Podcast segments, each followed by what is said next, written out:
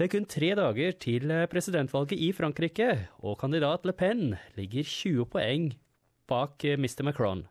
Le Pen har også blitt anklaget for plagiat, en anklage hun ikke tar seriøst.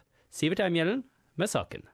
Til tross for nedgang i meningsmålingene ved søndagens avstemning mener presidentkandidat Marine Le Pen at hun er et mye bedre alternativ enn hennes rival Emmanuel Macron til å forsvare Frankrikes interesser internasjonalt. Le Pen, som har støttet seg til Trumps valgseier og brexit, håper på å utnytte en lignende populisme i Frankrike. I think I'm best placed to talk to this new world that's emerging, to talk to the Russia of Putin, to the United States of Trump, to talk to the Britain of May, whatever she may say, to talk to the India of Modi, because all of those countries are more or less turning their backs on the ideology of free trade, of competition, and of undermining social protection. So I feel much more in line with their political philosophy than with Mrs. Merkel's. Kjent for hennes euroskepsis, Le Pen har gjort det klart at hun vil ha Frankrike ut av EU. Hennes håp er at det franske folk vil ha egen valuta innen to år. I think we need to stop saying that the euro has been a protection. The euro has been no protection at all. The euro has protected no one.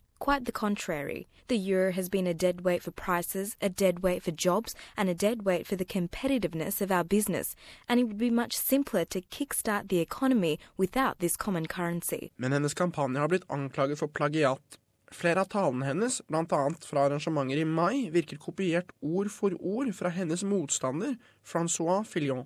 Talen som skulle sikre Le Pen valgseier, har nå fått oppmerksomhet i sosiale medier for dette, noe Le Pen ikke vil trekke oppmerksomhet mot. I was completely aware because these are passages written by someone who was my speechwriter in 2012, who then became Fion's speechwriter afterwards. The idea was to give a nod. I mellomtiden har den sentrisk-liberale Emmanuel Macron sagt at han vil presse EU til å øke antidumpingskatten for å redusere effekten av globalisering på Frankrikes økonomi.